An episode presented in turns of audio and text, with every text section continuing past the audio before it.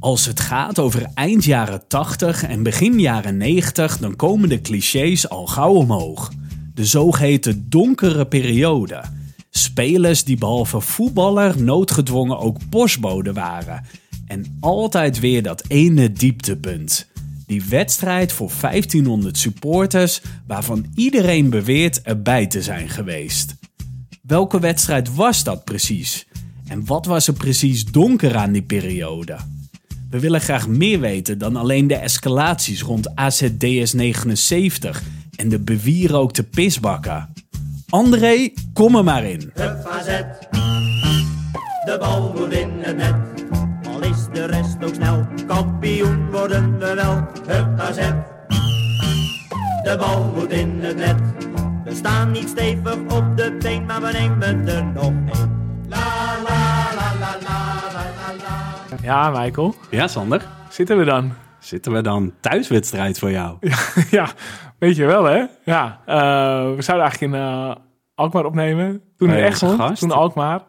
Maar eh, omdat mijn vriendin voor de werk naar de rechtbank in Zwolle moest... en niet wist waar ze thuis was, moest ik het fort bewaken.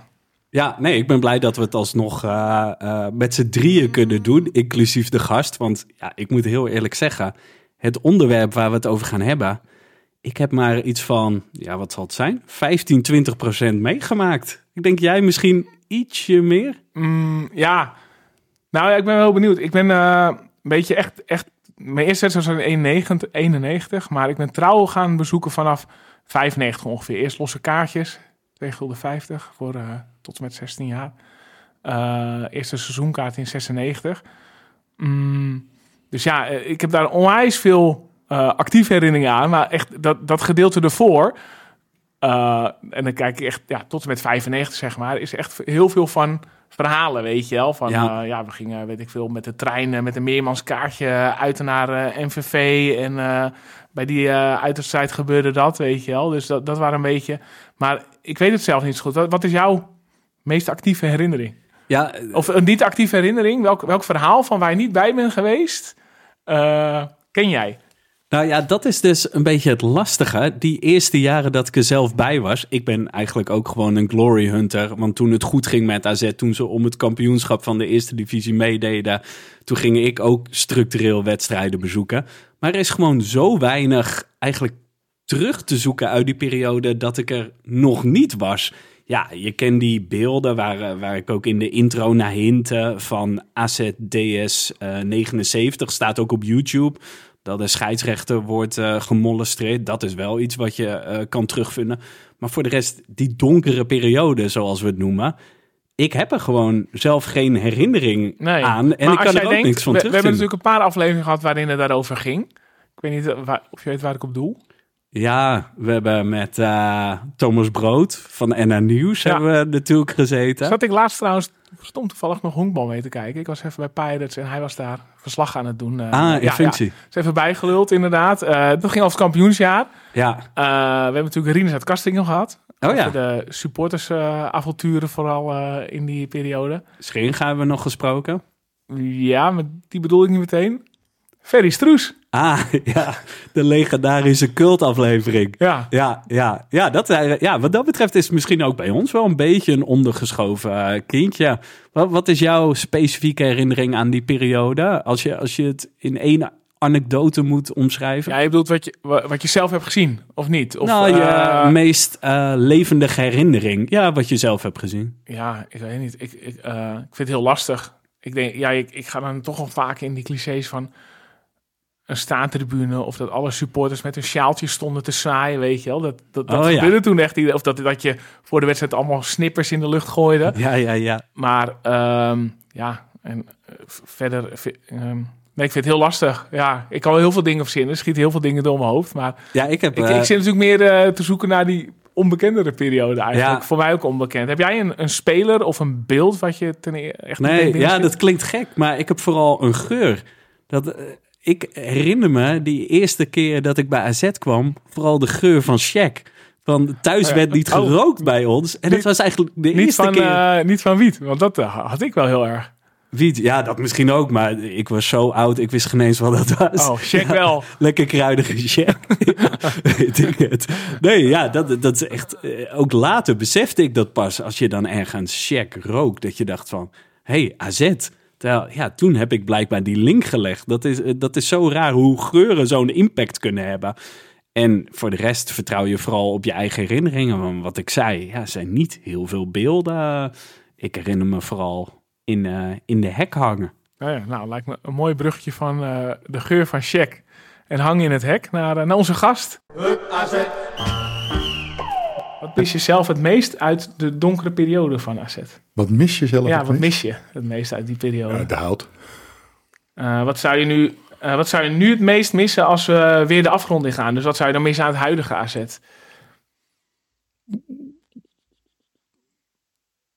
Nou ja, het perspectief wat er nu is. eh, op, op meer, de hoop op meer. Aan welke voetballer uit de eerste divisiejaren bewaar jij de warmste herinneringen? Edwin Vork. Wat is jouw meest curieuze AZ-feitje? Meest curieus, komt- dat komt niet uit deze periode waar het boek over gaat, maar de wedstrijd dat AZ met 11 buitenlanders in het veld stond.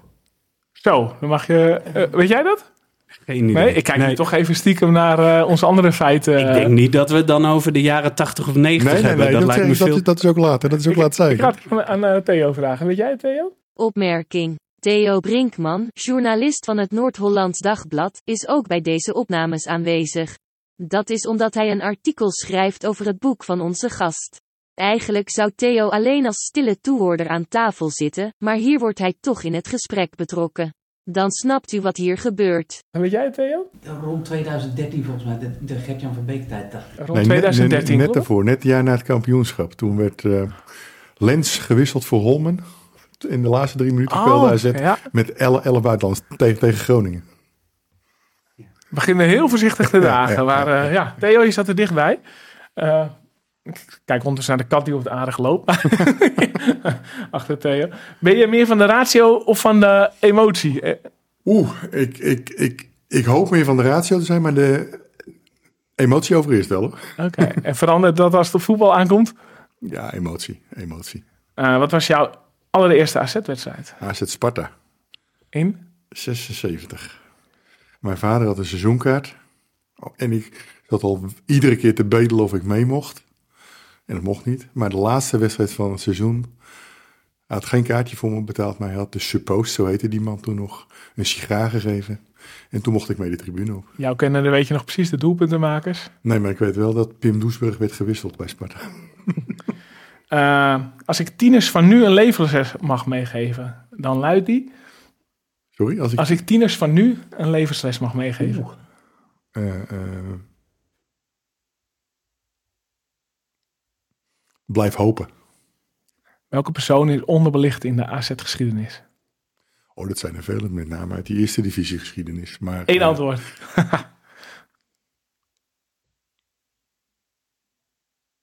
Edwin Vork. Oké, nou, twee, twee keer Edwin Vork als Ja. antwoord.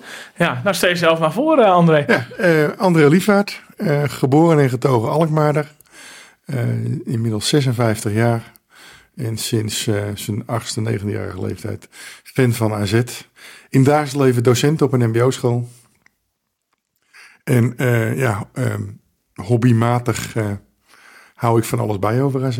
Nou ja, MBO-school is ook in Alkmaar of niet? Nee, is in Horen, is in Horen. Oh, in Hoorn, oké. Ja, Ja, ja, een go- goede vriend van mij die is eh, wiskundeleraar op een school in eh, Alkmaar. Oké.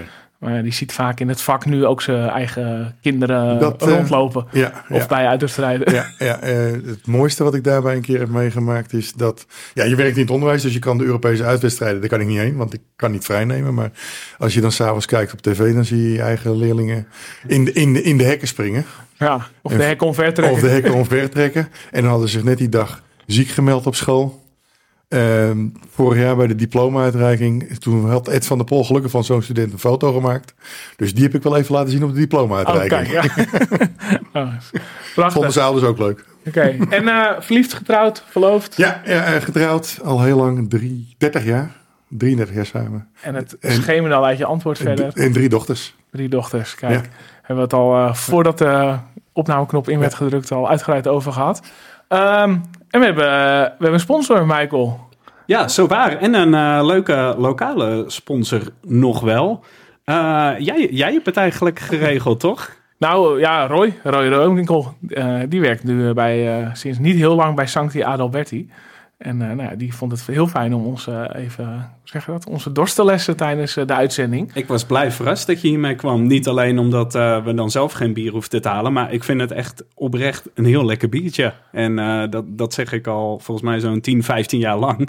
Dus ik ben heel blij. Dat ja, ook het, meerdere keer tijdens de opname heb ik het al gezegd. Ja, het was ook de reden bijna dat we nog even probeerden om de opname naar Egmond te verplaatsen, naar de brouwerij. Nou, dat kwam, de agenda's vielen niet helemaal te, te matchen, maar eh, nou ja, die houden we even in de pijpleiding. Eh, André, wil jij de, de, de triple of eh, de... Doe maar met de blonde Blond. maar. De Ja, blonde. oké. Ja, ja, ja. Maak ik die eerst eventjes open. Hey, je vertelde net al, André, over, eh, over je privéleven. Ja. Eh, zat je op een punt dat je dacht: ik heb even behoefte aan een eh, side project. Ik heb wat tijd over. Ik ga me eens verdiepen in. Eh, ik wil wel de blonde, alsjeblieft. Ja. Eh, nou, een punt wat denk ik eh, meerdere mensen in die tijd hadden. Want toen was het begin van de coronaperiode. En alles was dicht. En we konden niks en we mochten niks. En sommigen gingen puzzelen. En ik ging hier aan puzzelen. Maar hoe kom je op deze periode? Omdat het, je zei het ook zo in, je, in je intro eigenlijk. En dat god voor mij eigenlijk ook wel. Het was voor mij ook best wel een blinde vlek. Eh, ook eh, het gekke doet zich dan voor dat ik weet dat ik bij bepaalde wedstrijden geweest was. Maar ik wist me daar niks meer van te herinneren. En toen ben ik me daar toch wat eh, verder in gaan verdiepen. En ook, ja, het is natuurlijk een, een wat minder, eh, qua sportieve succes, een mindere periode. Dat vond ik ook wel leuk om me daarin te verdiepen. En nou ja, als je dan het laatste dingetje zegt, het is eigenlijk een beetje het laatste internetloze tijdperk. Eh, ehm, beelden, werd net ook al gezegd, zijn heel moeilijk te vinden. Want eind jaren 80, begin jaren 90, eh, eerste divisie kwam helemaal niet op tv. Als jij dan supporter was en je was niet bij een uitwedstrijd geweest, eh, de krant op maandag en eh, teletext Ja. de- de- de- langs de lijn. Dat was het. Dus dat vond ik ook nog wel een leuke periode, omdat er wel nog wat te, te, te ontdekken valt. Ja, Ja. en wij, wij noemen het al meerdere keren een donkere periode. Maar is dat eigenlijk een terechte benaming? Als, je- als je zo in verdiept, eh, ben je dan geschrokken van... Nou, het ging inderdaad slecht met AZ. Of zag je eigenlijk heel veel dingen waarvan je dacht... Oeh, was ik maar vaker naar de hout gegaan, want het was wel mooi om mee te maken. Nou ja, eh, ik denk ook dat je eh, supporter zijn van een club, eh, daar horen ook het samenbeleven van de te- teleurstellingen bij. Dus dat, dat, dat maakt het, het gevoel van supporter zijn ook wel weer mooier of dieper of, of, of hechter, weet ik hoe je het noemen wil. Maar dat vind ik ook wel mooi. Donker was het zeker die eerste jaren van die periode in de eerste divisie. En, en Want- waar, waar staat het donker in? eh, nou, eigenlijk ging het ieder jaar een, een, een, een beetje minder goed. Eh, gewoon slechter, tot aan bijna failliet. Ja, misschien moeten we heel even eh, schetsen hoe AZ ervoor stond. Want je begint in 88. Dat heeft te maken met de degradatie naar de eerste divisie, neem ja, ik aan. Ja, Wat ik weet, eh, de molenaars, die hebben zich langzaam maar zeker uit AZ teruggetrokken. Ja. Hoe staat AZ er op dat moment voor? Kan je misschien kort dat seizoen beschrijven waarin AZ degradeert? Ja, eh, in 86 is eigenlijk de, de, de, eh, de lijn Wastora Molenaar doorgeknipt met AZ. Eh, ze hadden het wel een soort eh, som nog ter beschikking gesteld om in ieder geval voorlopig de, de tekorten aan te zuiveren. Maar die was eigenlijk heel snel op, want er bleken toch ook nog wel wat financiële lijken in de kast te zitten. Waardoor eigenlijk het sportieve verval wat wel was ingezet in dat laatste jaar 87, 88 steeds verder doorging. had dat te maken met de salarishuishouding?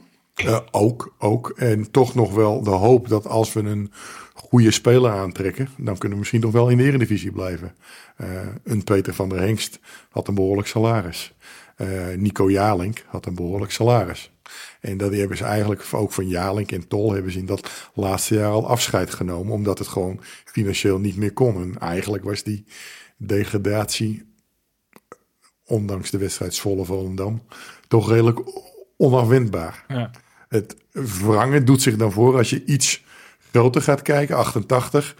Als Mijn generatie denkt aan 88, denken we allemaal aan EK 88. Succes, eh, Olympische Spelen, succes. En net in dat jaar dat al, overal in Nederland grote successen waren, tuimelt AZ naar de, de eerste divisie. En dat is ook wel een, ja, vond ik een wat wrange tegenstelling eigenlijk. Ja, je zegt het was onafwendbaar.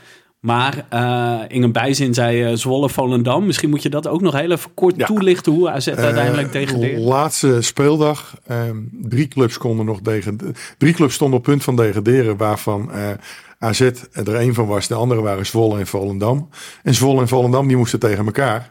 En die hadden aan een puntje genoeg.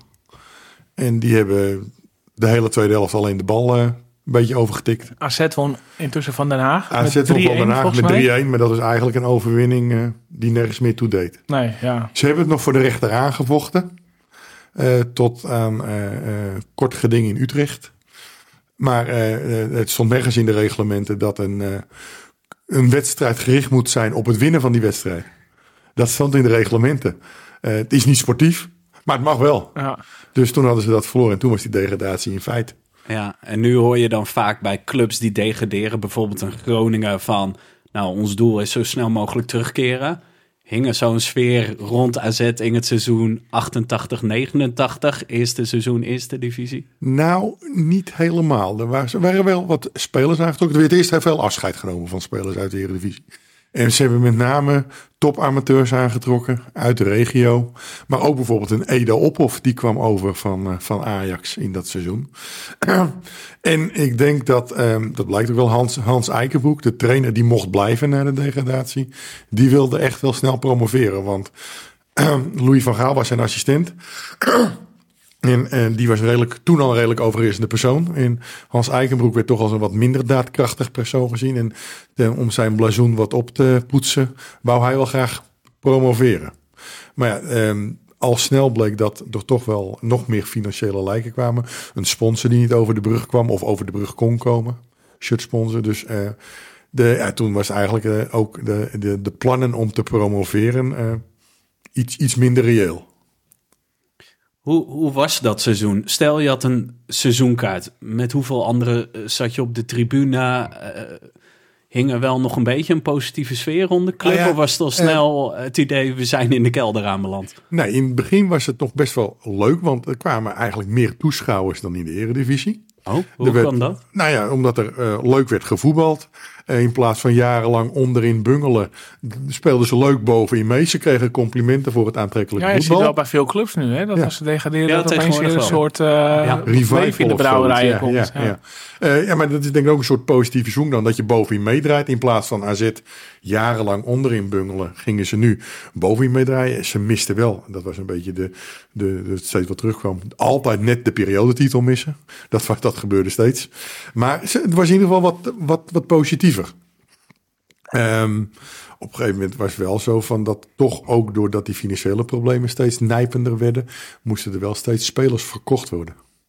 Maar het, het was redelijk positief en het bestuur dacht ook van weet je wat, laat die toeschouwersaantallen maar lekker, lekker oplopen.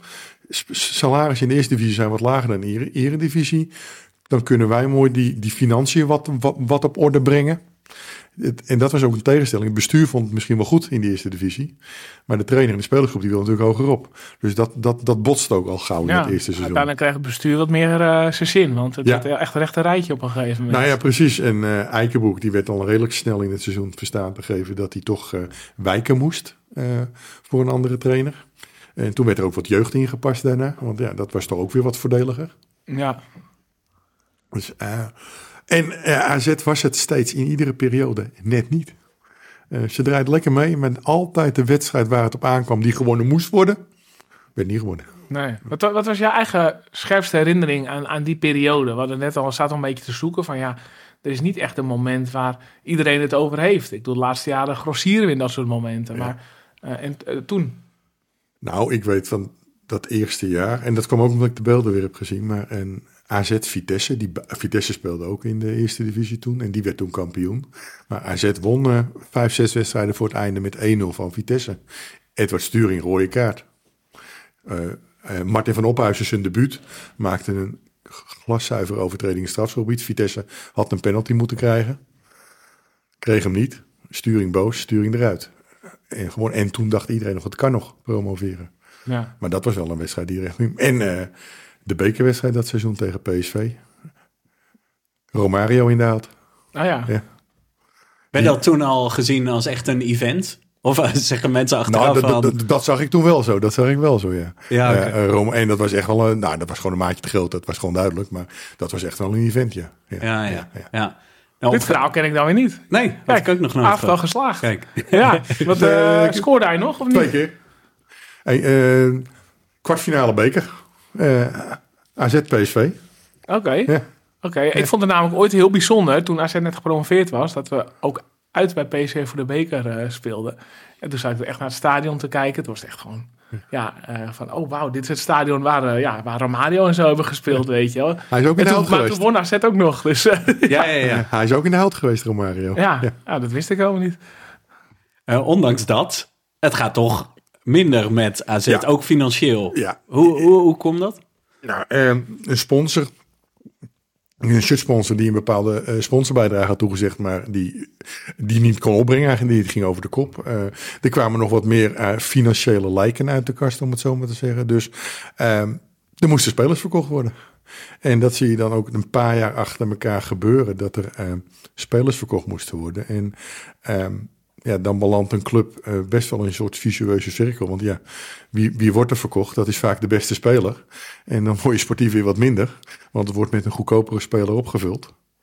Dus de, toen, toen, toen zag je ook dat het langzamerhand de eerste paar jaar een, een, een beetje minder werd. Ja. Hey, en- en André, in hoeverre, ehm, eh, wat je nu eigenlijk vertelt, hè, wat je schetst over die periode, in hoeverre wist je dit al? Of ben je hier echt eh achter gekomen dankzij interviews? Want ja, ik ken hier iemand met een eh, best eh, goede ge- goed AZ-geheugen. Nee, Even dit- voor de dit- dit- luisteraars. André die eh, doet vaak mee aan de AZ-quiz, waar ik ook al een paar keer een poging heb gewaagd. En eh, ik vind het hartstikke leuk om te doen, maar eh, als André met Joep samenspeelt, met Joep Manshanden, dan eh, worden die stevast eerste.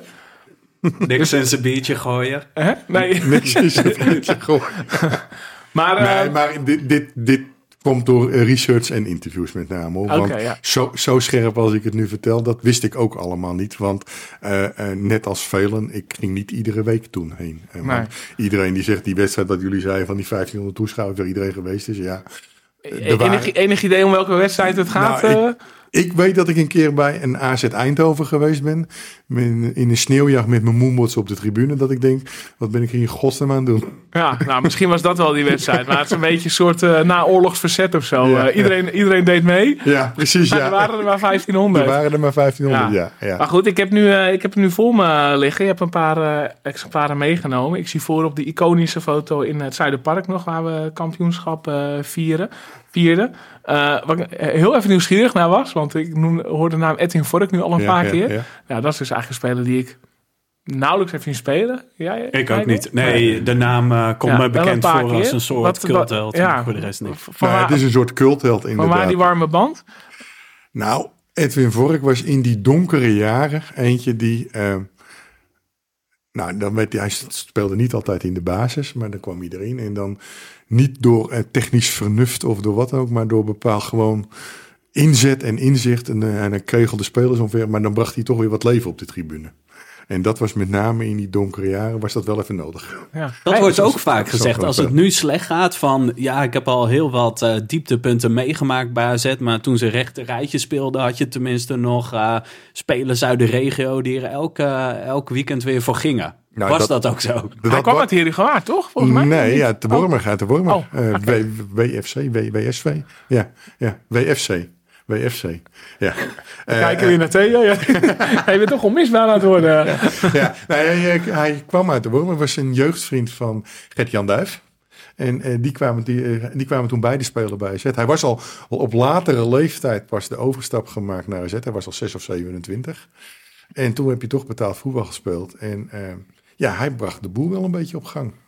En eh, dan gebeurde er wat. En juist als AZ eh, 2-0 achter stond of 1-2 achter stond en hij kwam erin, dan ging het ook leven op de tribune. En het lukte lang niet altijd, maar toch zorgde dat wel voor een bepaalde beleving op de Het tribune. was ook echt gewoon meer vechtvoetbal. Ja. Ook onder Van Gaal. Nou ja, dat van, dat, dat, van, dat van Gaal die was dus al weg in de eerste divisie. Die was net in de eredivisie. Maar ja, er was met name heel veel inzet. Want dat moest wel, want anders kon AZ op dat moment ook niet overleven. Dus het was behoorlijk vechtvoetbal. Ja. En de een- betere voetballers die gingen weg. Philippe Cocu, Ruud Kool, eh, Maurice van Ham. Die werden verkocht. Ja, maar het moet op een gegeven moment natuurlijk een omslagpunt zijn Ja. geweest. Dan, eh, misschien was die wedstrijd in de sneeuw tegen Eindhoven inderdaad het ultieme dieptepunt. Kan je, is het zo simpel, eh Scheringa klopte op de deur en vanaf dat moment ging het weer omhoog? Of Nou, eh, zitten daar wat nuances in? Ja, hij is heel belangrijk geweest. Maar, ehm, nou ja, dan, dan, dan, dan, dan, nou maar maken we gelijk een stap van 1988, 89 naar 93. Hè? Want Scheringa was eerst shirtsponsor in 91 geworden. Toen, en daarna kregen we hadden de sponsors geëist, omdat de financiële lijken er toen ook nog waren. Dat ze de sponsorgroep een zetel kreeg in het bestuur. Dat werd Scheringa, dus die kreeg je al wat zeggenschap. Maar eh, september 93, oktober 93 bleek dat de spelersalarissen de volgende maand niet konden worden betaald. En toen is echt Scheringa erin gesprongen. Maar toen was Piet Schrijvers al trainer. Met nagenoeg dezelfde selectie als het jaar ervoor.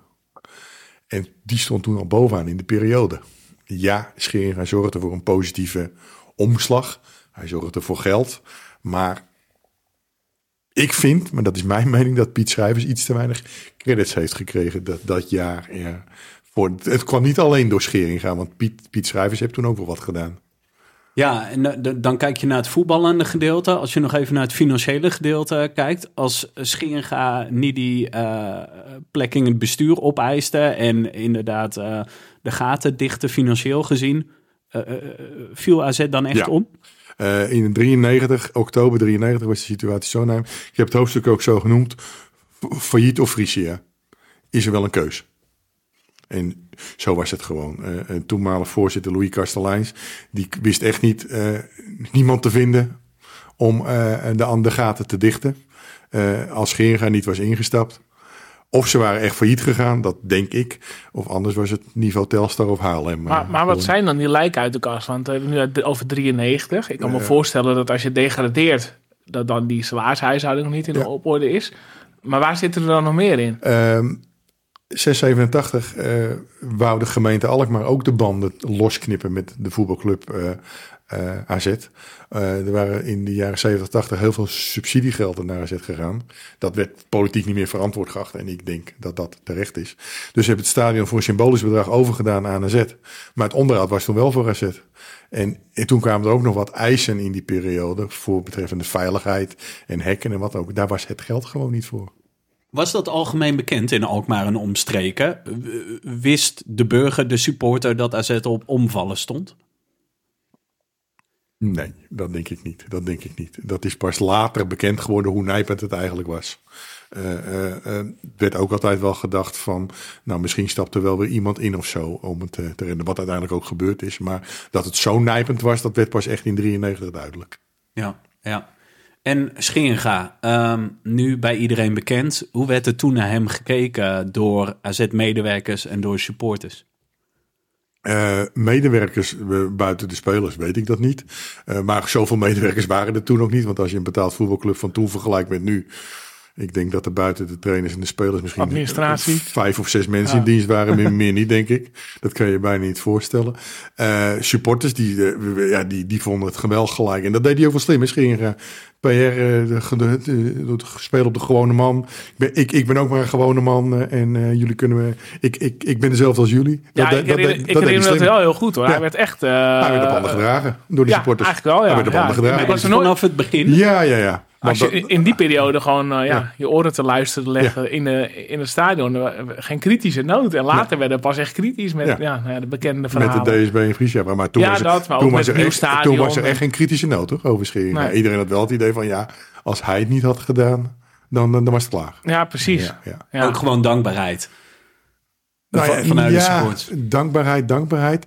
Eh, Dirk is een van ons. Eh, misschien is dat meer het gevoel. Ik weet niet wat. Ja, dankbaar. Ja. Ja, hij had natuurlijk heel erg dat verhaal misschien van een supporter die Ja. eh, voorzitter was. Of, of een supporter die sponsor wordt. Dat, eh, Liefde voor de club. eh, ja, precies. zoiets, ja. ja. Het, begon pas een beetje kritisch te worden met Oscar Moens en zo, met die contracten. Ja, en toen, ja. toen hij echt een soort Karel Albers eh, Karel stempel, Aalmers stempel achter- kreeg. Ja, ja, ja. Ja, en op een gegeven moment, eh, het werd natuurlijk ook eigenlijk het Dirk Scheringa stadion. Maar Ja. hoe was dat destijds? Trok hij al veel naar zich toe? Ook wat betreft eh toe-eigenen van de club. Niet alleen op papier, Nou, maar ook... eh, Hij had wel toen heel duidelijk dat hij erin stapte in 93. Gelijk geëist, ik wil mijn mensen in het bestuur hebben. En hij zorgde wel, ik meen dat er twee mensen mochten blijven zitten in het bestuur. En hij zorgde dat er drie mensen van hem in het bestuur zaten. Dus hij had wel altijd de meerderheid. Ik betaal, dus ik bepaal. Dat, dat had hij vanaf het begin al. Nou ja, aan de andere kant, dat kan je, daar kan je wat van vinden. Maar hij heeft ook wel altijd vanaf het begin af aan gezegd, dat wist ik ook niet. Die jeugdopleiding van AZ, die houden we intact. Dat is belangrijk voor de club. En daarbij was in die, jaren negentig ook niet iedere club van overtuigd dat dat de weg was. En AZ had toen al een, ogen van nu, maar een bescheiden jeugdopleiding.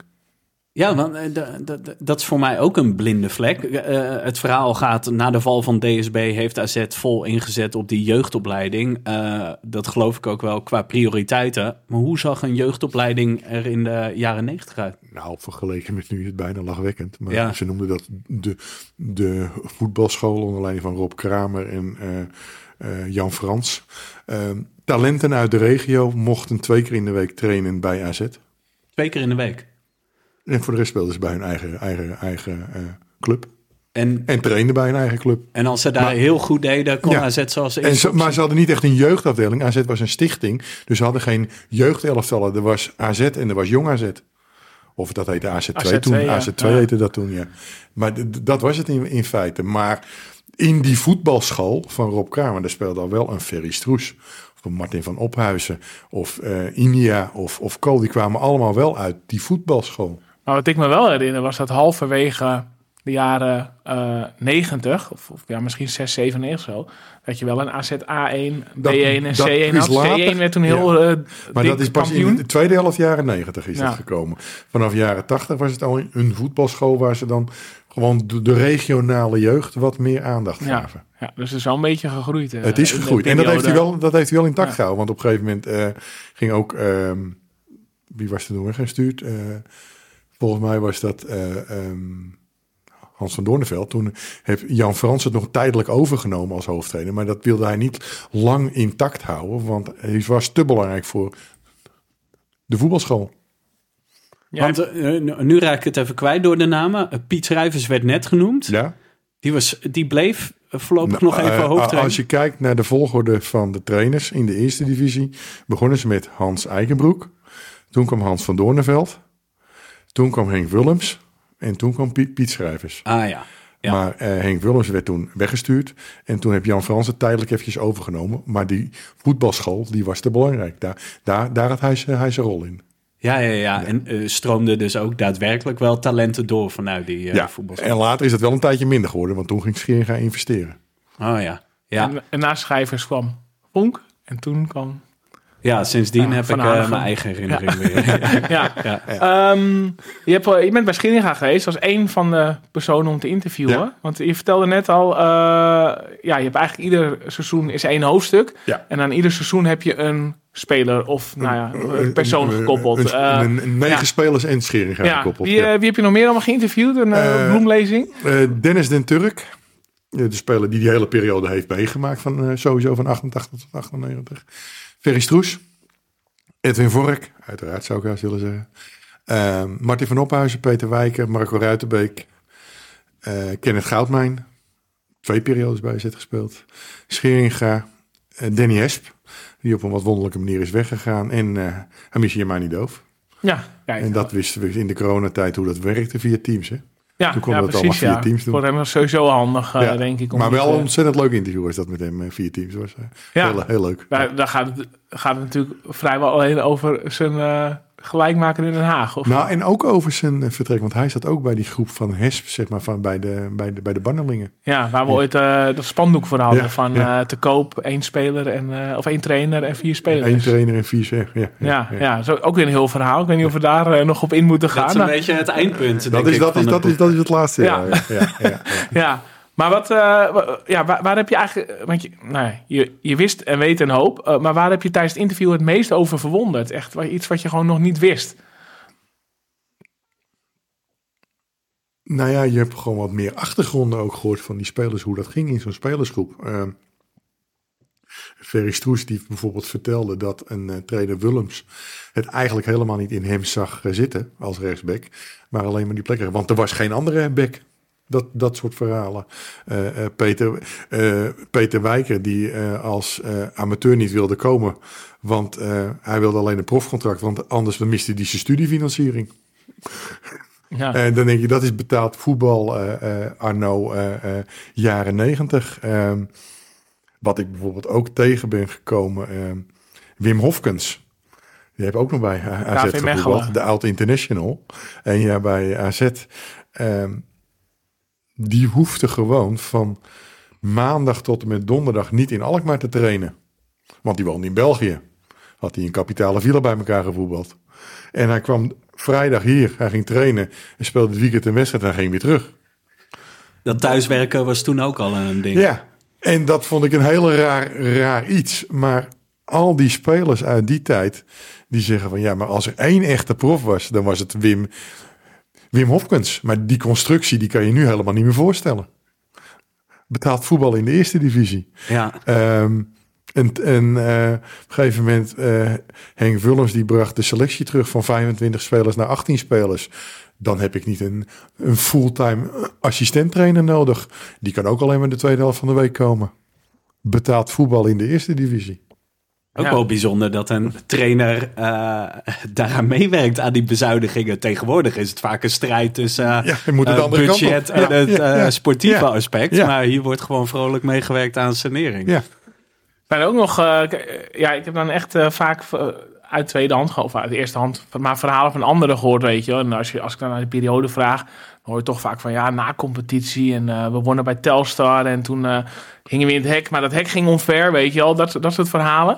Eh, ga- hoe heet het? Komt het ook een beetje terug in je boek of gaat Nou, het vooral dat- over dat spelersperspectief? nou, nee. eh, eh, met name over het spelersperspectief. Ehm, die nacompetitiewedstrijd die jij nu aanhaalt, die herinner ik me ook nog wel. Ja, want wij dachten toen echt met z'n allen, we gaan promoveren. Want nog even voor de chronologie. Ja, Over welk jaar die- hebben we die is? Nee, dat kan voor. Dit is, dat, dat is in jou, eh, Michael. Nee, dit is eh 1994. Dat is 94, eh, hebben we het over. Want je zei net, eh, we misten steeds de nacompetitie. Ja. Maar vanaf 94 deed AZ wat meer Ja. mee om... In eh, 94 en 95 hebben ze na-competitie gespeeld. Ook nog een keer in 91. Toen eindigde ze hoog, hoog in de, de, de eh, gewone competitie. Eh, maar in 94, 95 hebben ze na-competitie gespeeld. Maar die nacompetitie is eh, echt de- de- bijna de sfeer van Europese wedstrijden. Ja, eh, ja, vuurwerk en, en, en ballonnen en artiesten. En, en, en, nou ja, to- toen de term bestond nog niet, maar sfeeracties. Maar Ja, Cort- Corteo's vanaf de, de pont van Velsen Noord naar... het was echt. ja, maar, maar die ene waar jij op doelde uit 94. Eerste wedstrijd 4-0 gewonnen van Den Haag. Tweede wedstrijd 1-5 bij Telstar. Sta je in de na-competitie na twee wedstrijden. Twee gewonnen met doelsaldo 9-1 bovenaan. We dachten allemaal, we, we zitten al in de eredivisie. Nee dus. Want eh, leefde dat toen echt, leefde AZ toen Ja. weer? Toen was het echt wel, eh, voor mijn gevoel... Ja, toen was het, die hele die stond ramvol. Het was, was gewoon, het was gewoon een vol stadion. Ja, Ja, ja. ja, ja. En waren dat echt ook dan echt flinke katers... eh, als je dan toch niet de na-competitie wint? Nou, ik weet toen nog wel dat ik flink chagrijnig naar huis ben gelopen... toen we thuis verloren van Telstar. Telstar met Hans Kraaij junior, hè. Oh ja. Ja, Toen was ik flink chagrijnig, hoor. Want, eh, goh, eh, ja. Want eerst zaten we te juichen. En dan denk je echt, het gaat goed komen. Het was wel bijvoorbeeld ook... In dat seizoen speelden ze ook tegen RKC in de na-competitie. Wist ik ook niet, maar dat kwam ook naar boven. Er zaten maar twee of drie wisselspelers op de bank bij AZ. En toen kwam ook een beetje het geluid naar voren. Mag AZ wel promoveren? Maar er waren wat blessures en schorsingen. En als je amateurs op de bank zette, of die liet je invallen, moest je als profclub 8000 gulden betalen aan, aan, aan de oude amateurclub. En Toen wilde Scheringa al niet te veel geld uitgeven. Want hij denkt wel, ja, ik wil wel geld uitgeven. Maar die amateur moet wel een, een, een, ver- een, een ver- een versterking betekenen. Dus dat, dat vonden ze van niet. Dus dan zaten ze maar in de na-competitie, moet je je voorstellen. Maar met twee of drie wisselspelers op de bank. Nou, dan speelde AZ eigenlijk boven zijn kunnen, als ik dit zo hoor. Ik heb misschien de vraag gesteld, was AZ toen klaar om te promoveren? En hij zegt, nou, we hadden het wel gefixt, maar eigenlijk waren we niet klaar. Ja. Ik associeer die periode ook een beetje met ehm, anarchie op de tribune. Was er vaak dan gedoe, bijvoorbeeld na zo'n misgelopen eh, promotie? Ja, er gebeurde wel wat. Eh, eh, maar ja, als je erop terugkijkt op de hout, het, qua stadion, het was zo lekker als een mandje natuurlijk. Qua veiligheid. Ja, je- er stond voor de vorm een hek tussen het uitpubliek en het thuispubliek. Nou, dat stelde niet zoveel voor. Nee, die konden ze niet betalen. Meer konden ze niet betalen. Als je eh, vuurwerk mee wilde nemen, dan ging je gewoon twee dagen van tevoren het stadion in. Dat begroef je in het zand onder de tribune. Want die werd wel op de dag van de wedstrijd ge, gefouilleerd. Maar ja, het lag er al. Als het saaie wedstrijden waren, gingen we lang uit liggen op de tribune. Want die ruimte was er. Jackie draaien. Check, ja, die, wat jij vertelde, die geur van check, die herken ik ook. hoor. Dat denk ik ook nog altijd wel aan zet. Ja. Ja, ja, goed. Ik ga niet die hele AZ West Ham riedel mee eh, weer afdraaien. Maar wat er bij AZ DS79 gebeurt, hij is natuurlijk eigenlijk ja, een scheidsrechter eh, zo molesteren dat hij nooit meer fluit. Dat is natuurlijk wel nou, het ergste wat er ooit gebeurd is eigenlijk qua AZ, denk ik. Het gekke was nog dat AZ eerst de schuld nog legde bij de scheidsrechter. Hè? Vanwege zijn rare fluitgedrag. Ja, Niet het eigen supporters of het eigen veiligheid of het eigen stadion. Nee, het kwam door de scheidsrechter. Oh. Dat is, En- bij, dat is bij. Nou, ze hebben het verloren natuurlijk. Want verderop in het seizoen tegen Heracles moesten ze een wedstrijd spelen zonder publiek. Maar eh, dat is natuurlijk in de huidige tijd helemaal niet denkbaar. Als er zoiets gebeurt, gaat iedere club gelijk... eh, sorry, sorry, mea culpa, mea culpa. Maar eh, dat was toen... Nee, dat ligt aan de scheidsrechter. ja. En er niet voor Was dat nog iets wat eh, ergens de toekomst van AZ bedreigde? Want dat, dat was eh, vlak na de degradatie, denk Ja. ik. was in december van 88 of zo. November, december 88 of Dat zo. er een soort negatieve sfeer rond de club. Nou ja, die wedstrijd zonder publiek was het uitvloeisel van een eerdere straf. Van nog van een, vo- een voorwaardelijke straf uit het, uit het jaar daarvoor. En daardoor werd het ook omgezet in de wedstrijd zonder publiek. Maar of dat nou echt levensbedreigend was voor AZ, weet ik niet. Dat weet ik niet. Eh, Ik, ja, ik heb dat- het gevoel dat dat een beetje de, ja, ook een soort punt was waar, waar, vanaf wanneer het alleen afgeleed. Ja, het verhaal van André, eh, die, die weerspreekt het eigenlijk een beetje, omdat het toen nog een hele positieve stemming was. Maar ik had juist het gevoel, juist door die gebeurtenis. Nou, in dat seizoen AZ misschien wel. minder, in dat eh, seizoen misschien wel. Want, Ja. eh, maar voor mij was in dat seizoen de bottleneck het vertrek van David Loggy in de winterstop. Want David Loggy was op dat moment topscorer van de eerste divisie. En die werd in de winterstop verkocht naar Willem II. en dat was nodig vanwege het geld. Dat was nodig vanwege het geld. Maar Ja. ik, ja, als, als telt niet in de sport. Maar het was wel op dat moment een hele belangrijke. Dat je later terugkwam van, bij AZ. Was hij iets meer over zijn hoogtepunt heen, laat ik het zo maar zeggen. Ja. Hey, en, en als we nou omdraaien, als je nu echt terugkijkt op die hele periode waar je in verdiept hebt. eh, in hoeverre zou je kunnen zeggen dat, dat dit misschien de basis is voor het succes van het huidige AZ? Of is dat echt, staat dat compleet los van elkaar?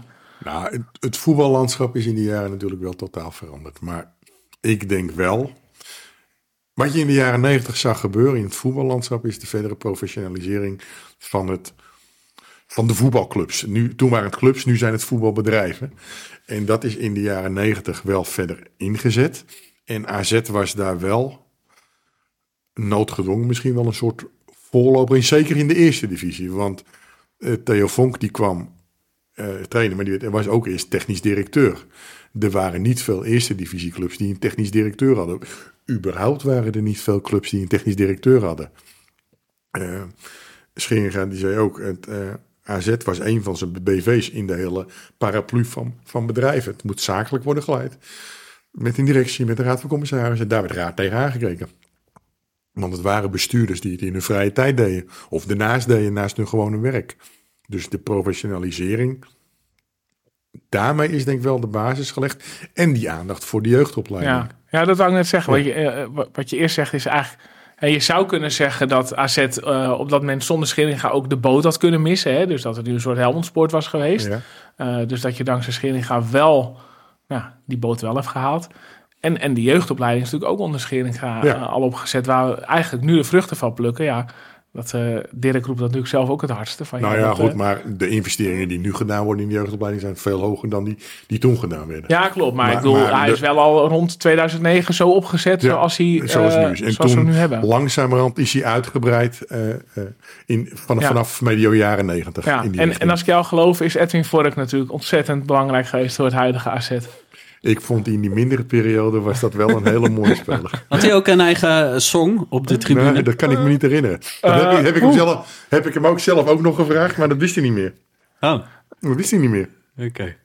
Daar, daar krijgen we vast nog wel een rectificatie op. Ja, ik, eh, ik, ik zit er nu raar dat je in mijn hoofd te draaien, want ik heb wel zoiets ooit eh, voorbij horen komen. Eh, op ja. een gegeven moment een verhaal van eh, dat hij eh, eh, moest toen onderhandelen over een verlenging van het contract. En toen was Joop Korevaar van de VVS zijn- zaakwaarnemer. En die zei tegen hem van, eh, ga nou niet te hoog met je salaris in de boom zitten, want ze hebben niet zoveel geld bij AZ.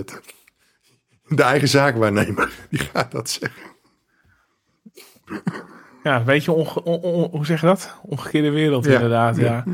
ja. We, we moeten toch een beetje, nou niet naar de afsluiting, maar wel richting in ieder geval de eerste promotie. Ehm, toen ben ik ook een beetje aangehaakt als Glory Hunter. Maar hing dat aan het begin van het seizoen echt in de lucht? Van dit, moet wel het seizoen worden dat AZ eindelijk weer promoveert? Nou, er waren dat seizoen drie clubs die er echt voor gingen om te promoveren. MVV, Cambuur en AZ. En waarom?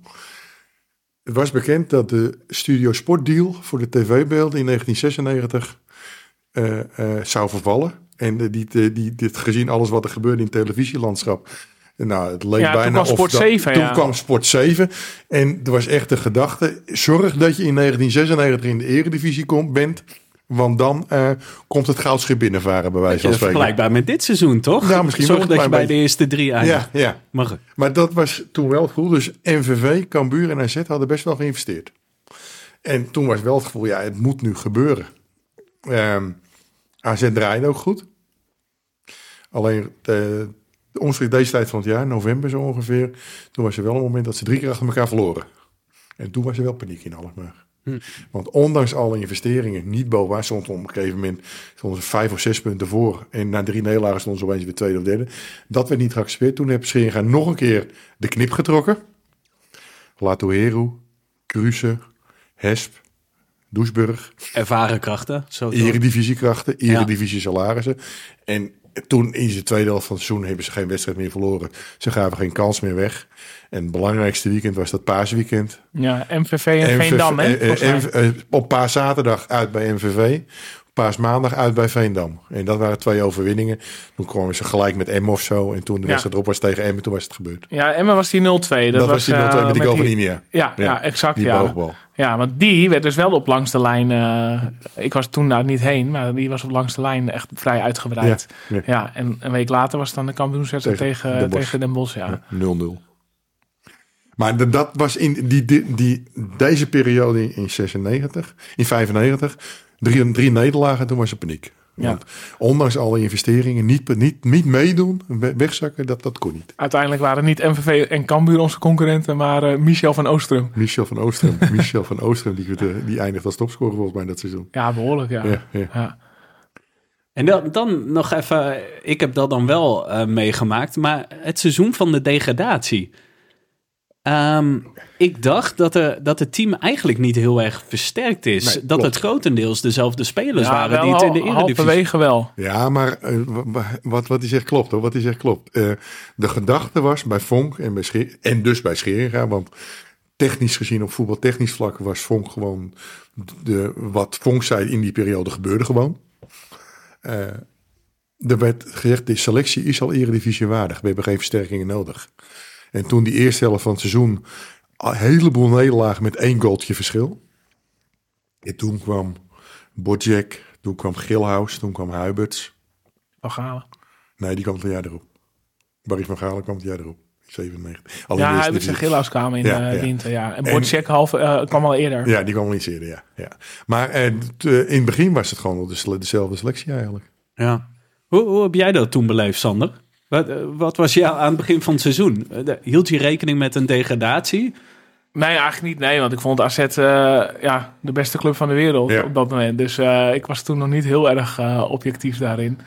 Ehm, nee, ja, en ik, ik, ik weet wel dat ik het heel frustrerend vond, al die 0-1 eh, nederlagen. Of vooral 1-0 in de uitwedstrijden, weet je wel. Vitesse uit 1-0, Ajax Twente uit uit 1-0, 1-0. Ajax uit, Feyenoord uit 1-0. Allemaal 1-0.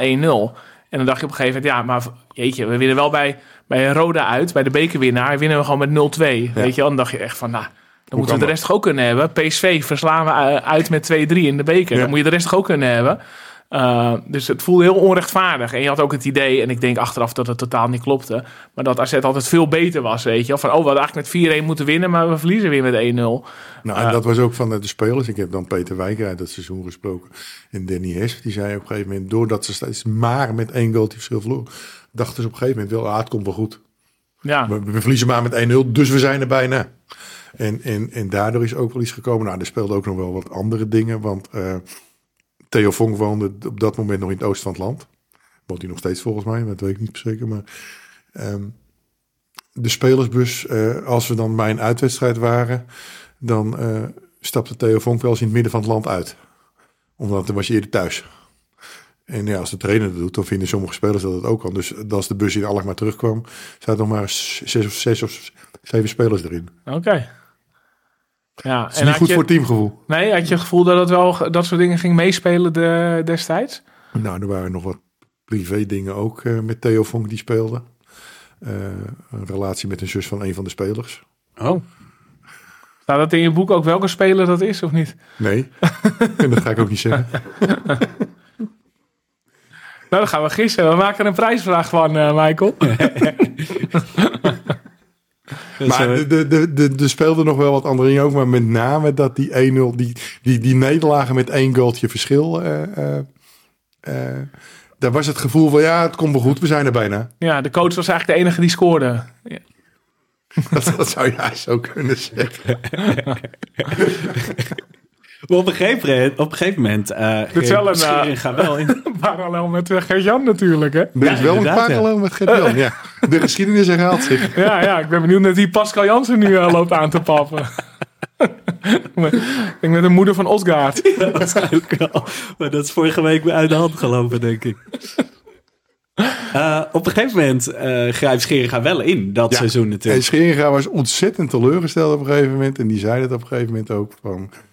Nou, eh, je hebt Theo Vonk vrije hand gegeven. 27 spelers aangetrokken, allemaal op, op zijn aanraden. En we staan nog maar onderaan. En toen was iets zat. Toen heeft hij ingegrepen. En toen hebben eh, Hans de Koning en Martin Haar het jaar afgemaakt. Maar toen was er eigenlijk al geen eh redder meer aan. Ik weet nog dat ik heel veel hoop kreeg toen uh, AZ uh, ja, op 10 mei 97 uh, van Willem II won met 1-0 van Mutsaars. Ja. Toen dacht ik echt van, oh ja, nu gaan we het helemaal goed maken. Maar ik, weet nog, ik weet nog die wedstrijd tegen Roda met die twee rode kaarten. Ja. Door Heus en Droemoesoglu. Ja, en toen nog 1-1 uh, inderdaad. Toen ja. werd het toch nog 1-1, maar toen werd het, verloren ze toch weer. Maar... Toen begon de liefde met Roelof Luigen een ja. beetje te ontluiken. Ik heb ook een foto in het boek opgenomen dat Roelof Luigen een AZ-speler een rode kaart geeft. Oké, okay. dat was niet uh, lang zoeken denk ik in het archief. Nee, hè? daar had ik er wel een paar van. Kun je niet een compilatie maken? Dus, uh, nee, maar toen, ja, toen was het eigenlijk al, al te laat. Uh, AZ heeft na de winterstop geloof ik één keer gewonnen. En uh, ze zaten dan voor de winterstop zaten ze nog een beetje gelijk met drie of vier andere clubs. Maar na de winterstop is het bijna, nou alleen die wedstrijd tegen Willem II wat misschien hebben ze nog een keer gewonnen. Ja, die bekerwedstrijd tegen PSV, maar voor de competitie was het niet heel veel meer. Ja, het is wel bijzonder, want dan zal Scheringa echt flink teleurgesteld zijn geweest. Van ik doe zoveel investeringen en dan degraderen we alsnog. Maar dan de ultieme power move. Hij gaat nog meer investeren als AZ ja. is gedegradeerd. Dat was eerder daarna. Ja. Uh, zakelijk, op zakelijk vlak had hij tot dat moment eigenlijk niet eens een tegenslag gehad. En hij zag het, het bedrijf AZ ook als een van zijn bedrijven onder die Frisia, onder die DSB-paraplu. Het zal mij niet gebeuren dat dat niet gaat lukken. En toen heb je dus echt bewust uh, geïnvesteerd. En op dat moment ook, zei hij ook, we zochten op dat moment de trainer, de, de best beschikbare trainer. Willem van Hanegem. Ja, het is nu, als je kijkt naar die spelers, ook naar het omslag. het is absurd wat er toen in de eerste divisie speelde. Niet alleen de coach natuurlijk, Van Hanegem. Dat is nu ook een heel raar idee. Dat hij als topcoach naar een Ja. eerste divisieclub ging. Maar als je gewoon eh, Van Galen, Riksen... En het waren, ook, ja, eh. het waren ook niet eens allemaal talenten. Dat je kan zeggen van... Oh, eh, AZ was er gewoon vroeg bij. Van Galen was ook al gewoon gearriveerd. Ja, ja, dat ja, ja. was- Lange rak van de Weert. Langerak van de Weert. En eh, ja, eh, de mazzel met Van Galen was dat Max Huibers hier al zat. En dat waren vrienden nog uit de Roda-tijd. En Van Galen had een rotjaar gehad bij NAC. Die wilde daar per se weg. En natuurlijk het salaris wat Scheringham vooruitgesteld, dat heeft hem ook wel. Maar ze hebben flink voor hem moeten betalen. Een eh, eerste divisieclub, ik geloof 2 miljoen gulden betaald heeft of zo. Dus dat is voor een eerste divisieclub is bij- bij- bijna niet voor te stellen. Ja. Maak ik jou nog blij met een biertje, Michael? Eh, ja, lekker. Ja, jij bent met de trein, hè? Ja, geef mij dan maar die triple. Triple of- Ja, Ja? dan maar die triple. hè. Ja. Ik en heb eh, nog, ik André, heb nog, ik jij... heb nog, oh, ik heb. En ik, en, en ik ben met de auto. Zou je achteraf misschien kunnen zeggen, eh, misschien een beetje flauw, maar dat- dat eh, ging gaat toen op het pad van te veel risico ging. Oeh.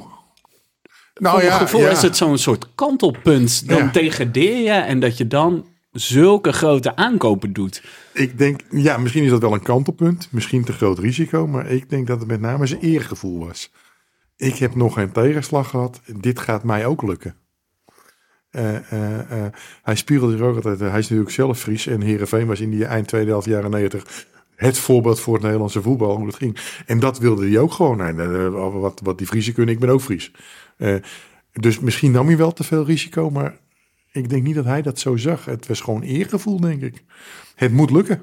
Ik had ook echt na die degradatie, na die 5-0 bij het gevoel... Oké, dit was een jaartje eredivisie en het is klaar. Weet je, een beetje een soort... Wat je bij PAOK Saloniki ook Het had. kan de We gaan één keer Europese Europees wedstrijd en daarna is het klaar, ja. Ja, Ja, maar daarna was ook wel, want bijvoorbeeld het aantal seizoenkaarten bleef in de divisie, eerste divisie bijna gelijk als in de eredivisie. Ook, ook, ook, ook, ook dat jaar.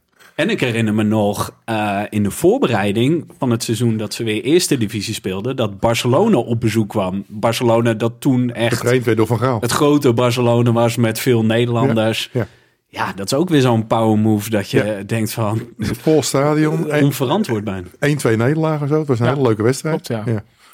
Ja, en we begonnen ook met, eh, weet je, 6-0 tegen Zwolle, 7-1 tegen Eagles, 8-0 tegen Heracles. Heracles 0-6 bij VVV. Ja.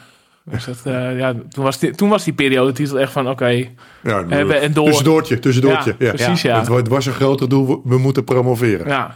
En dat was ook wel echt het doel gewoon. En dat was ook wel duidelijk. Maar eh, eh, eh, ze staken er dat seizoen gewoon echt met kop en schouders bovenuit. Ja. Ja, ja, wat een verschil dan met eh, tien jaar eerder, 88, kan je dan ook zeggen dat het eigenlijk gewoon een heel andere club is geworden. Ja, Dat het in geen enkel Ja, in die opzicht tien jaar meer is al? Nou, het begin was al aangezet. Eh, De, de, de, eh, wat ik net zei, in begin jaren eh 90 waren er misschien vijf of zes betaalde krachten die wat deden. Maar dat waren er toen al een stuk meer geworden. Er had toen al, al veel eh, commercie onder leiding van Henk van Rijnshoeven. Administratie was uitgebreid. Er was iemand die de, de veiligheidszaken deed. Eh, er was een woordvoerder voor de pers. Nou, dat, dat, dat was tien jaar daarvoor helemaal niet, niet, niet in vraag, om het zo maar te zeggen. Nee, dat was Dus- Willem Selmans al, of niet? Dat was toen net Willem Zijmans Ja. volgens mij. Ja. Dat was toen net Willem Zijmans, ja. De Willem Zijmans, ja. Eh, eh, maar, eh, dus dat is eh, ehm, wel een andere club geworden, ja. ja. Ja. ja, de titel is de opbouw van een profclub. Zie je nu nog steeds veel fundamenten uit, uit 98 in, terug in het huidige AZ? Nou ja, ja, het is natuurlijk veel... Huibert. veel Ja. eh, Nee, nou ja, dat, dat, letterlijk, daarom ja. staat hij ook nog prominent op de achterkant. Oké, Huibert, oh ja. Ah, ja, ja. Ja, ja, ja. Nee, eh, dat wel. Maar ja, wel de opzet met een technische directie, commercieel directeur, algemeen directeur. Dat werd toen wel. En dat had toen lang niet iedere club. Want die had toen ook nog vaak een, een soort eh parttime bestuurder of wat dan ook. Of een, een trainer die de transfers er ook nog een beetje bij deed. Dat, dat, dat, dat, dat, zie je nu nog wel terug. En dat is wel verder uitgebreid natuurlijk met een veel professionele scoutingsapparaat en weet ik wat allemaal. Maar de- ik denk wel dat de fundamenten toen gelegd zijn. Ja. En ik vind ook dat we de prestatie die AZ sindsdien geleverd heeft niet moeten onderschatten. Want AZ speelt 25 jaar op het hoogste niveau. Daar zijn niet veel clubs. Eh, Vitesse hoort er ook nog bij. Ik zeg met nadruk nog, want dat weet ik niet hoe dat af gaat lopen. Maar buiten Ajax, Feyenoord, PSV, Utrecht, Vitesse en Heerenveen. Ja. Ja, dan merk ik ook dat ik oud word. Dat AZ inmiddels tussen dat elite groepje eh, behoort... dat al heel lang Ja. eh, niet in de eerste divisie heb gespeeld. Terwijl, ja, ik heb toch altijd maar in mijn achterhoofd van... nou ja, als je derde eindigt, oké, we hebben ook nog eerste divisie gespeeld. Maar ja, Nou ja, dat, kijk, ja, dit soort vergelijkingen trekt natuurlijk vaker. Maar we, we hebben nu net, ja, wat blijft er hangen? Dat we winnen bij Telstar uit. En dan zijn we helemaal door dol heen. En nu eh, als we verliezen uit bij Feyenoord en we eh, spelen valt daardoor het de tegen. eerste plek, dan eh, gaan we allemaal muiten. Dus Ja. ja, dat, dat ge- geeft Maar ook dan wel zie je ook dat de verwachtingen altijd worden, worden bijgesteld. Ja, heel goed. En ja, Ja. kijk, dat, weet je, we blijven natuurlijk nog altijd eh, een club die overpresteert, zeg maar. Ja. Ook ten aanzien van de begroting die we nu hebben. Nog steeds beter doen dan eh, de centen. Ja. Ja, als je kijkt naar die begroting, even knuppel in het hoenderhok. Een overeenkomst die ik zie. AZ had in de jaren 90 steeds verkopen nodig om de begroting rond te krijgen. Dat is nu eigenlijk ook het geval.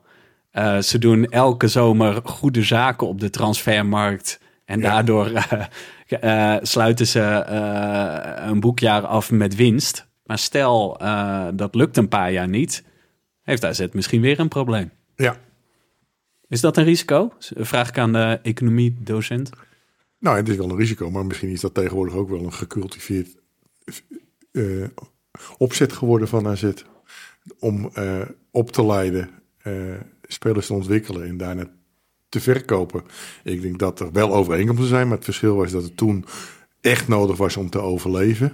En nu is het een model om op voor te bouwen, denk Ja, ik. en Ik volgens denk mij dat is dat het nu verschil is. er geen enkele verkoop begroot, zeg maar, vooraf. Nee, het nee. is gewoon pas als we het geld hebben, gaan we het begroten. Ja, Ja, dat is waar. Maar eh, stel, je hebt die verkopen niet. Dan zal je wel zien dat AZ uiteindelijk in het seizoen een operationeel verlies heeft geleden. Ja. Moeten we David Loggie weer eh, verkopen? Bijvoorbeeld. Ja, de, Ja, ja, ja, ik denk dat het wel lastig wordt. Maar ik denk dat dat ook de evolutie is die het moderne Europese voetbal heeft doorgemaakt. Want ik denk dat hetzelfde geldt voor andere Nederlandse clubs. ja, je kan Als nu zeggen, geen PSV wordt beloond voor wat meer risico nemen. Ja, Dus maar dat je hebt ook kans dat ze straks, omdat die spel, stel dat ze doorkomen in de Champions League en de spelers ontwikkelen zich, ze worden weer leeggekocht en ze kunnen weer gaan bouwen. Ja, Misschien is dat wel het lot van de hele Nederlandse competitie geworden. ja, ja. Ik denk dat het meer een, een erbij is gaan horen. En toen overkwam het AZ, toen moest het. Ik denk dat dat het verschil is. ja. Ja. Hey eh, André, er ligt nu 3,5 jaar werk voor ons op tafel. Ja? Het ligt nu eh, in verschillende boekhandels Ja. en in een brouwerij. Want ja, En dat is natuurlijk ook en een mooie link, hè? Ja. Ja. dat was wel heel bijzonder, want eh Arjen Brammer van die oude brouwerij, die ken ik al redelijk lang. En ik was daar toevallig voor mijn werk op stagebezoek. Oké. En toen vroeg Arjen, doe je nog wel eens wat bij AZ? Zeg, leuk dat je het vraagt, Arjen. En, eh, toen, en toen zei hij, nou, leg er maar een paar neer. Oké, oké. Want hij- en hij, hij, eh, voor, voor wie hem wil hebben, hij ligt ook bij boekwinkels. Kan je Hij ligt bij eh, diverse boe- Bruna boekwinkels. Hij ligt bij Van der Meulen in Alkmaar. Eh, ehm, de, de Rietshop, verschillende boekwinkels hij Oké. te krijgen. Ook in Heerhugowaard? Bruna Middenwaard. Ja, want, Bruna Middenwaard. nou, dat Ja. is, ik heb hem op mijn verlanglijst voor Sinterklaas Ja. gezet. En laatst had ik een van de hulpzinten aan de lijn. Mijn schoonvader. En die woont in Zwanenburg. En eh, hij zegt, ja, ik ben nu in Heerhugowaard. Bruna Middenwaard. En ik denk, is in Heerhugowaard? Ik zeg, wat doe je daar? Ja, nou, dat Hoor je wel. vertel ik later wel. Ik denk, nou, er is maar één reden waarom hij naar Heerhugowaard zou gaan. Dus misschien krijg ik hem ook nog eh, op pakjesavond. eh, je kan hem boek. ook altijd aanwijzen, want ik heb ook een accountje aangemaakt op bol.com. Oké. ja, nou, ja, hij is al nu gewaard geweest. Dus eh, de kans is vrij groot dat, Dat die eraan zit te komen. ja, ja, dat hij in een Sint eh, pakketje met een gedichtje zit. Ja. We hebben ook nog wat vragen van luisteraars, André. Oké. Hey, allereerst had ik een vraag, want ik zie jou naam natuurlijk heel vaak als AZ-statisticus Ja. voorbij komen op de site. Op wat voor soort archief beroepen zij zich? Want we hebben ook nog ja, Jan Visser en we hebben inderdaad allerlei Nou, videoarchieven. eh, eh, eh, J- Jan Visser weet heel veel. Eh, denk nog wel meer dan dat ik weet. Maar ik heb alles digitaal. ja, en alles is beelden. Nou, nou, beelden, maar ook eh, alle opstellingen. Oké, Vanaf 1967. alle opstellingen. Alle. Oké, en, en, en dat is, er is niemand anders die dat dus ooit zo nauwgezet heeft bijgehouden. J- Jan Visser. Ja, oké, maar AZ belt jou gewoon als ze iets willen weten. Ik, eh, eh, eh, de, de man, de naam is al ter sprake gekomen. Willem, eh, Willem Zeilmans. Die was dat een keer ter oren gekomen dat ik dat sowieso had. Die wou dat wel hebben. Met de nadruk op hebben. En dat heb ik niet gedaan. En er is zelfs uitgekomen dat ik wekelijks die feitjes en weetjes op de site aanlever. Oké, ja. Alleen inmiddels zijn er zoveel professionele partijen dat daar als hobbyistje bijna niet tegen op te werken valt. Nee, maar kan je ik- ook tegen de digitale databases? Nee, want dat ik, is ik denk, niet te doen. Dat is mij niet te doen. Want het is allemaal handwerk, toch? Om die feitjes dan Ja, uit je archief ja. op te... Alleen Maar- blijkbaar weet ik toch bijvoorbeeld dat er in die wedstrijd tegen Groningen dat het de eerste keer is dat er elf eh, buitenlanders in het veld staan. maar dat is ook over nog het- een stukje eigen herinnering. Ja. Maar is, mijn, mijn vrouw noemt dat een eh, ongevaarlijke afwijking van mij. Maar op dat moment tijdens die wedstrijd eh, dacht ik echt, hé, hey, er staan elf buitenlanders. Eh, is dat al eerder gebeurd? ja, En dan ben ik wel zo gek dat ik s'avonds thuis gelijk eventjes kijken, kijken ga of dat eerder gebeurd is. over twee weken spelen tegen Hardenberg. Kan jij dan ook Ja, zeggen, AZ, die, die heeft voor Hardenberg gespeeld en AZ? Of eh, is dat... eh, Nou, dat probeer ik wel, maar ik weet niet of er spelers zijn die voor alle twee gespeeld hebben. Dat moet ik even nakijken. Kijk, hoor je paraat hebben. Dat is een basiskennis al. Nee, nee, nee. Dat, ik, ik moet het kunnen opzoeken. Ja, Ja. ja. Hey, hey, ik heb een vraag van één eh, Joep Manshanden. die ken ik. Ja, hoeveel uur heeft het je gekost om dit mooie boek te maken? Daar, daar- moet je bij een hobby niet naar vragen. Daar moet je bij een hobby niet naar vragen. Ik zal het doorgeven ik, aan... ik eh, ben er begin van de coronatijd, is dat nu? 3,5 jaar geleden, denk ik. Dus het heeft al met al een 3,5 jaar geduurd. Met horten en stoten. Want als je werkt in het onderwijs heb je ook wel eens wat langere vakantie. Dan doe je er wat meer aan. En als je werkt doe je er wat minder aan. Dus, ja. eh, heb, je, heb je nou zijn eigen beheer uitgegeven? En eh wat is de oplage? Duizend stuks. Duizend stuks, oké. En- Het is een eh, onderwerp en, een, en ja, er is niet een uitgever in geïnteresseerd. Toen heb ik op een gegeven moment maar gezegd, ik doe het zelf. Op print on demand. Ja. Ja. Eh, ja, de vraagt iemand, Simon Metselaar, maar eigenlijk is het al beantwoord. Welke speler is het meest exemplarisch voor dit periode? Henk Vork. Die past het beste bij... of, eh, Edwin Vork. Henk Vork is... Oh nee, Henk Vork is een, iemand uit de honkbalwereld. Oké, Wie past het beste bij de eerste divisiejaren? Edwin Vork. ja, vind ik wel. Ja. Eh, eh, Roodbroek, volgens mij is dat onze oude gast eh, Janja van den Berg. Van het, van, van dat dikke boek van de, de Gouwe, ja. Exact. Of er een kans bestaat dat het huidige AZ ooit weer ineen zou kunnen storten als destijds het geval was. Oeh, ja.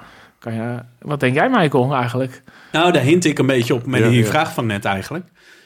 Eh, of je misschien soms te veel risico neemt omdat je toch een provincieclub blijft. Ja, misschien wel. Ehm, ik zou geneigd zijn om te zeggen van nee, het zou niet kunnen. Maar ik zie Groningen nu ook in de eer- eerste divisie voetballen. Vitesse gaat niet. Er- Er staan sowieso best wel, vind ik, aansprekende clubs in de eerste divisie. Ja. Dus ja, ik vond het vrij absurdistisch. Ik was gisteren naar Jong AZ Groningen. Ja.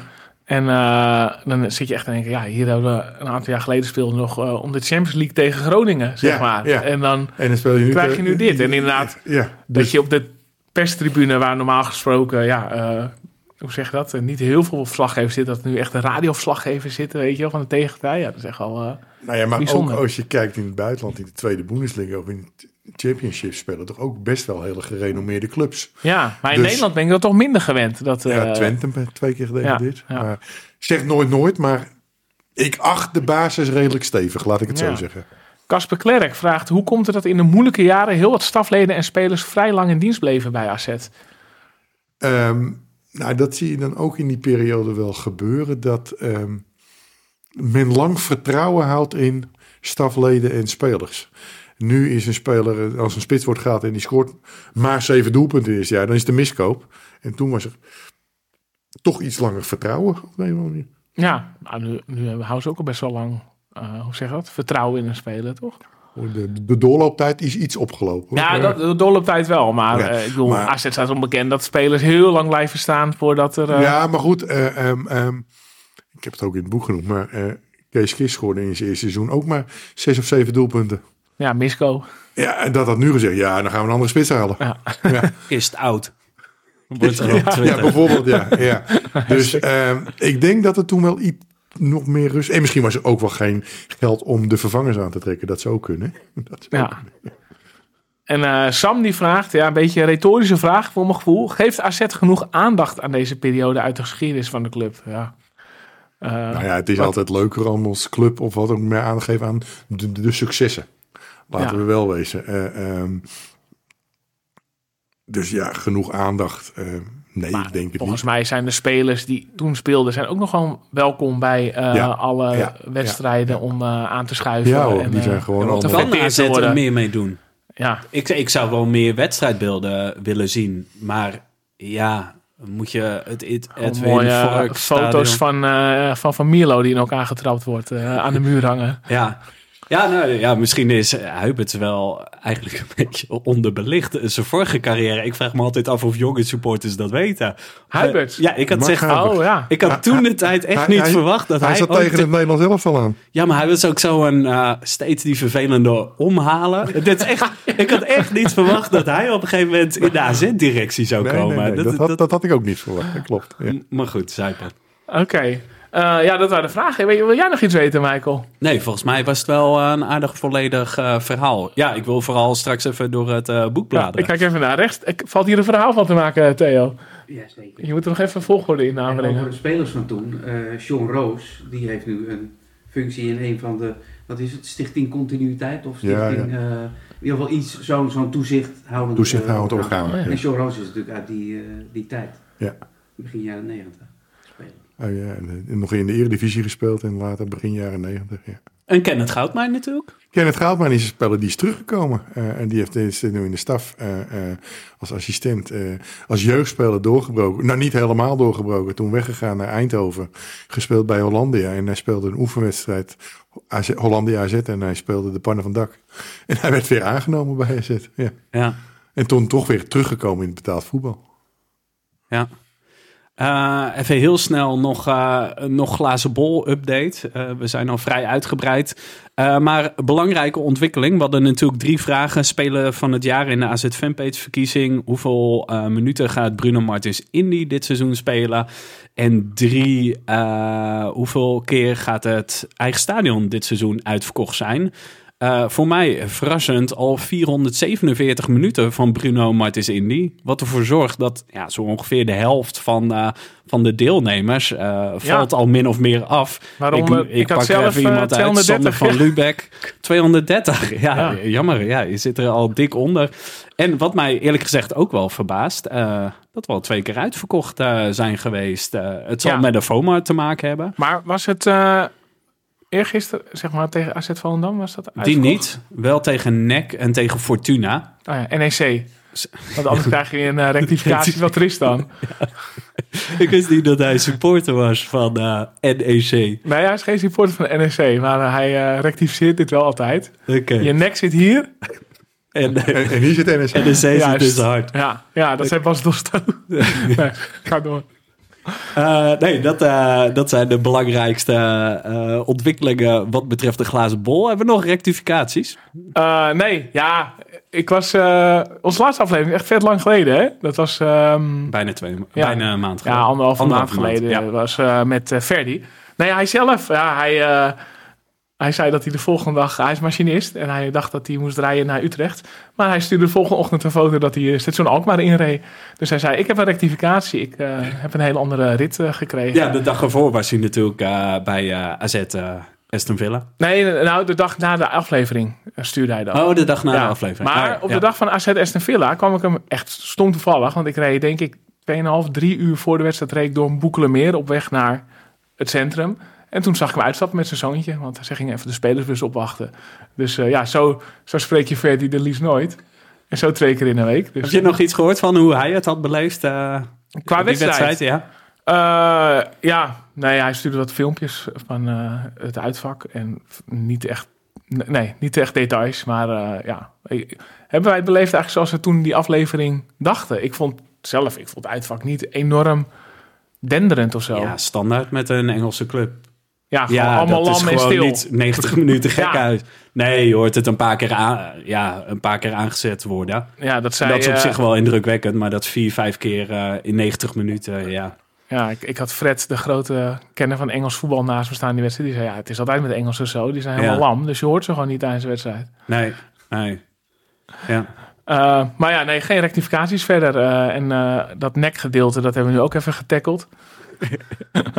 Ik ga die club niet meer noemen. Nee. Nou, morgen eh, gaat, de, gaat de tournee verder ter promotie van je boek, André. Hoe gaat het toen even verder, de promotie van mijn boek? Ja. Is dit al je vraag wat hij morgen gaat doen? Oh, ja, oké. ik probeer een beetje te krijgen.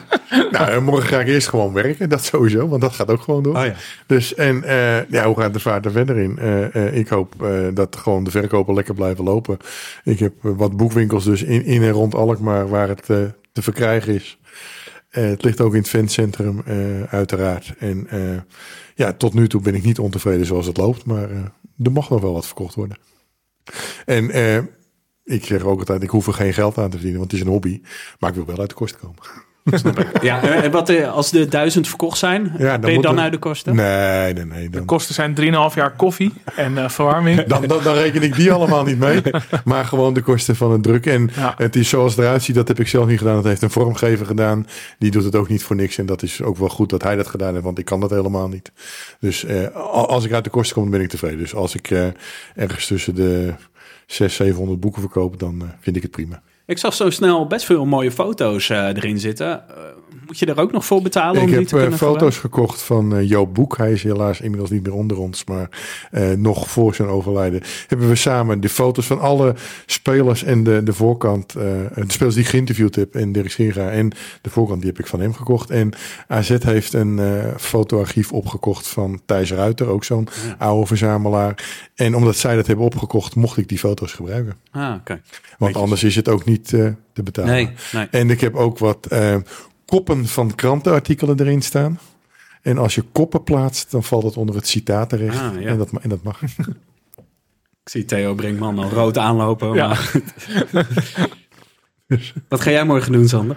Morgen, ja, dan hebben we het over, eh, over woensdag. Eh, ja, dat is voor mij eh, voor de klas staan. En eh, verder niet, zo, eh, niet heel veel bijzonders. Donderdag eh, de wedstrijd.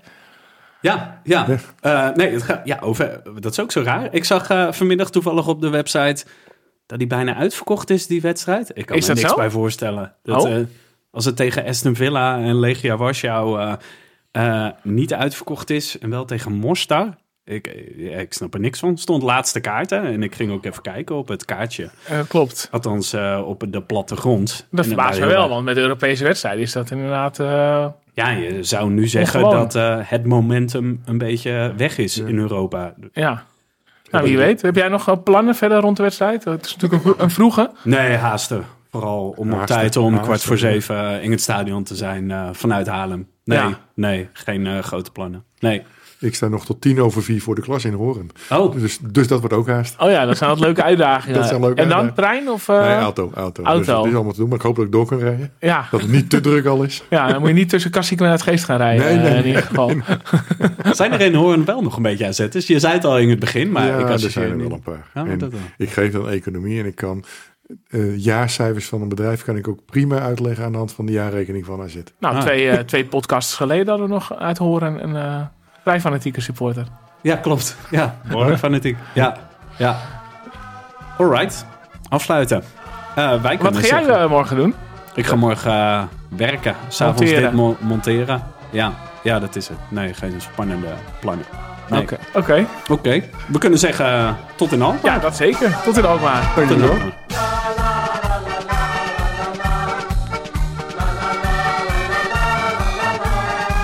Deze podcast werd mede mogelijk gemaakt door Output Media.